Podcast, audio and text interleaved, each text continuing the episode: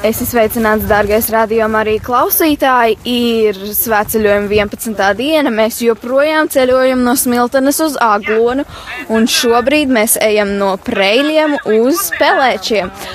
Un es esmu, es esmu Linda, Un es esmu atradusi svētceļnieku, kuru jūs dzirdat ēterā katru dienu, tāpēc varbūt jau kādam ir izdevies pamanīt, kurš tas varētu būt, bet tā kā jūs viņu dzirdat, noteikti jums gribas zināt par viņu kaut ko vairāk. Un es esmu viņu pierunājusi ar grūtībām, bet esmu pierunājusi intervijai. Sveiks, Māri! Sveika, Linda! Jā, patiešām es visus šajā svētceļojumā intervēju, un uh, mani neviens nav intervējis. Tev šorīt izdevās beidzot pārliecināt, ka domāju, labi, aiziet, lai ir. Jā, nu Māris stāsta, tomēr ir svētceļojuma 11. diena, kā tev iet? Man iet labi.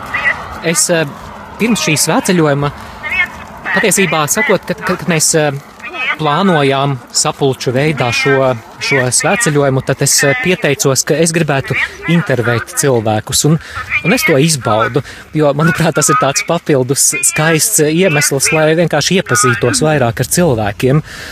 Un, um, jā, no pirmās dienas līdz pat eh, šai dienai tas ir bijis tāds skaists, aizraujošs piedzīvojums. Reizēm varbūt ar tādu stresiņu, vai šodienai ēteram pietiek materiāla, un un uh, kuru tad vēl noķert un nointervēt. Un kāds varbūt saka, nē, šodien es vēl neesmu gatavs, bet uh, tāda skaista tikšanās ar cilvēkiem un, un arī tāds svētceļojuma prieks. Prieks lūkšanā, prieks slavēšanā. Es domāju, ka Dievs arī pie manas sirds strādā, un uh, es atgriezīšos pēc aglonas mājās mm, ar tādu atvērtāku, brīvāku sirdi, es domāju, ka mana lūkšanu dzīve vismaz kādu laiku pēc svētceļojuma noteikti būs tāda padziļināta. Jā, Mārta, paldies, ka izstāstīji, kā tev iet šajā svētceļojumā. Un tā kā tevi klausītāji dzird ne tikai svētceļojumā, bet arī vienkārši radio Marija ēterā ikdienā, varbūt nedaudz pastāst klausītājiem, kas tu vispār esi, jo, ja jau dzird kādu, tad būtu labi zināt arī, ko viņi dzird.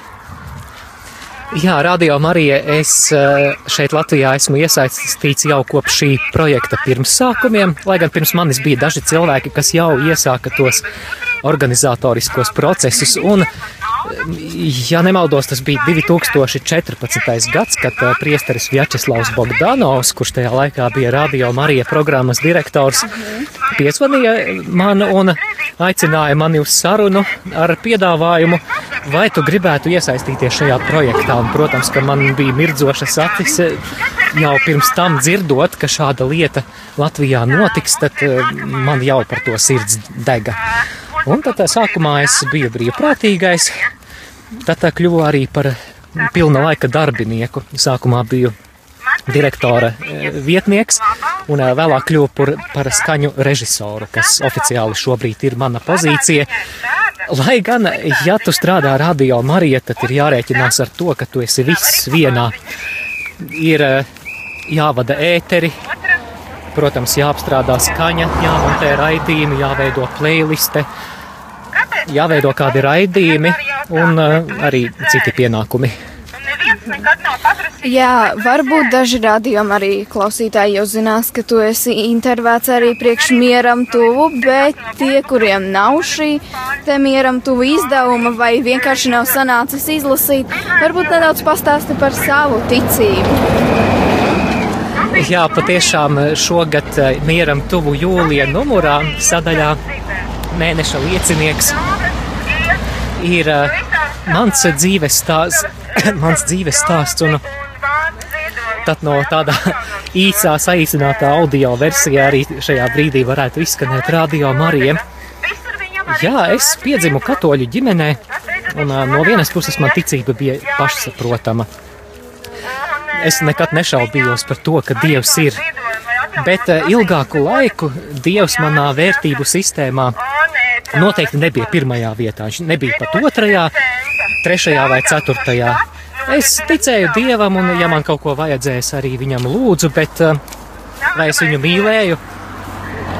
Diez vai, vai Dievs man bija draugs? Noteikti nē. Un uh, man atgriešanās notika tieši caur svētceļojumu uz Aglonu. Tas nebija pirmais svētceļojums, jo pirmajā svētceļojumā es aizgāju drīzāk kā tādā skaistā pārgājienā kopā ar skolas biedriem, ar klases biedriem. Es biju pabeidzis 12. klasi, un mums bija ļoti draudzīga klase. Un kādas klases biedrenes dzimšanas dienā mēs spriedām par to, ko tad mēs vēl kopīgu varētu vasarā iesākt, pirms dzīves ceļi mūs aiznes dažādos virzienos. Un tad tā ideja bija par svētceļojumu. Svētceļojums ļoti patika. Augusta saulrieti un, un rīti ar rasu zālē un dabas smarža un draugi. Aglonā vienmēr ir skaisti. Un tāpēc nākamajā gadā, veldzējoties tajās atmiņās par pirmo svētceļojumu, bija pārliecība, ka noteikti jāiet arī šogad. Un tāpat arī trešajā gadā, un tieši trešais svētceļojums bija tas liktenīgais atgriešanās svētceļojums. Brīnišķīgi arī ir brīnišķīgi, ka tu šobrīd svētceļojumā vari dot to iespēju kādam, kas nevar iet, bet var dot iespēju tiešām klausīties un doties ar mums līdzi savā prātā, savās lūkšanās. Un varbūt daži radījumi arī klausītāji jau arī zinās par tavu mūzikas ceļu. Tu mums esi ļoti muzikāls, priekš tā arī, ka tu neesi mācījies mūzikas skolā. Vistāsti, kā tas sanāca, ka tu sāki paņēmi rokās ģitāru un sāki spēlēt. Gitāru man uzdāvināja 9. klases Ziemassvētkos. Un uh, pirms tam jau es kādu laiciņu biju ļoti ilgojies, lai man būtu ģitāra. Kādam manam klases biedram ģitāra bija mājās, un kad es pie viņa ciemojos, tad mani nevarēja atkraut no ģitāras.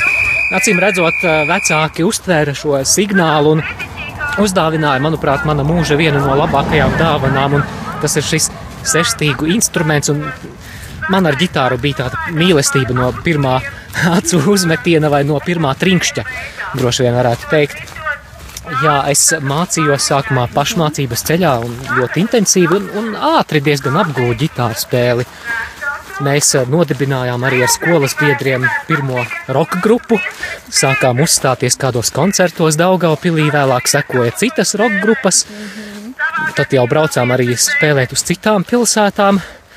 Un šobrīd es muzicēju tādā latgaliešu pop-roka grupā Dabasu Durovas, kā elektriskās ģitāras, jeb solo ģitāras spēlētājs.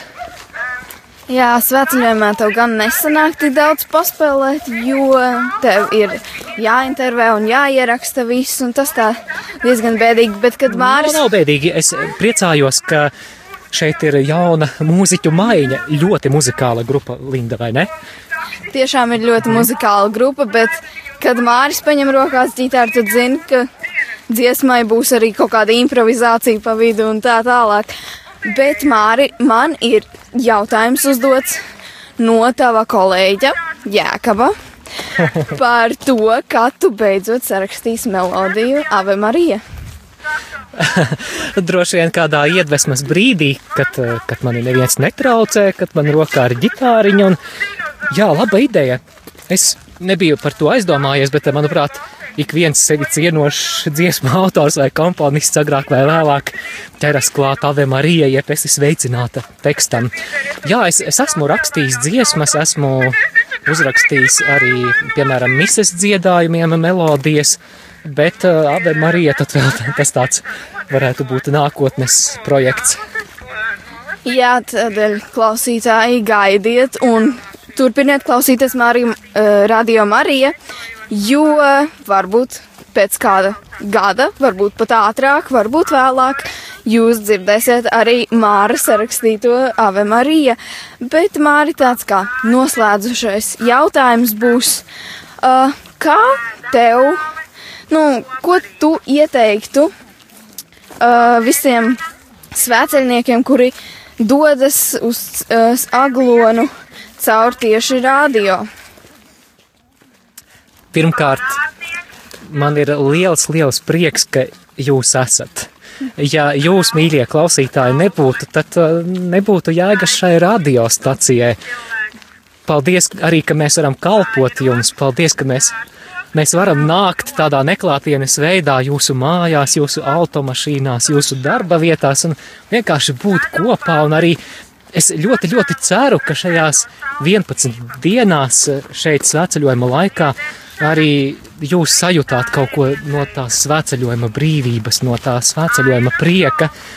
Un um, vēl jau mums ir viena ar pusi diena līdz iesoļošanai aglonā. Tad neatkarīgi no tā, vai šogad tu dosies uz aglonu, varbūt ar transportu vai kādā citā veidā, vai arī tu paliksi mājās, tad iesoļo kopā ar mums aglonā.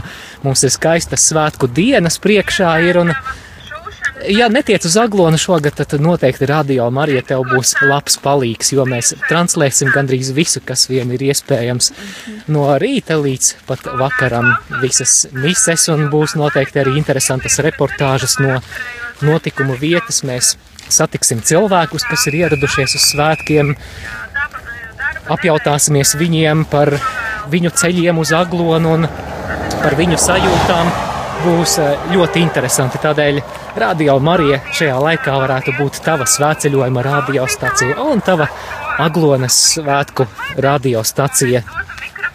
Jā, paldies, Māri, par šo interviju. Arī tā kā mēs drīz diezgan iesoļosim aglonā, tas sāk palikt diezgan aktuāli un būtu jautājums, kā kļūt par brīvprātīgo. Un tad es ļaušu Mārim šo izstāstīt, jo viņš noteikti to zinās labāk nekā es. Jā, Radio Marija ir brīvprātīgo radiostacija. Mums ir tāds neliels darbinieku pulciņš un ļoti daudz brīvprātīgo, kuri kalpo visdažādākajās jomās. Ja kādam ir runas dāvanas vai kuram patīk lūgties, tad uh, ir iespēja lūgties ēterā, piemēram, vadīt rožu kroņus, translēt svētās mises. Ir daudz arī aizkadra darbu, ir iespējams montēt raidījumus, uzkopt telpas un tādējādi ieguldīt kaut ko no savas sirds, no savas mīlestības šajā skaistajā kalpošanā, šajā evanģelizācijas misijā. Un kas ir jādara? Droši vien sāksim ar Aglonas svētkiem. Ja tu būsi Aglonā, tad meklē Radio Marija Latvija telti. Tā parasti ir bazilikas labajā pusē. Nāc un satiec kādu no mums un pastāsti par šo savu vēlēšanos, iepazīties ar šo radiostaciju, pamēģināt. Un savukārt, ja aglonā mēs netiksimies, tad droši raksti uz e-pastu info at rml.lv. Pastāsti, ko tu tieši gribētu darīt, un noteikti mēs arī tad ar tevi satiksimies, uzaicināsim ciemos uz studiju un Tur varē, varēs arī iepazīties ar kalpošanas iespējām. Paldies, Māri! Paldies tev, klausītāji, ka tu mūs klausījies! Un mēs turpinām ceļu uz uh, Aglonu un šobrīd uz Pelēčiem, bet tu noteikti turpini klausīties radio Marija, jo te ir daudz kas interesants un daudzas iespējas tev lūgties un tā. Tāpēc paldies, ka tu klausies un svētīgu tev atlikušo ceļu uz aglonu.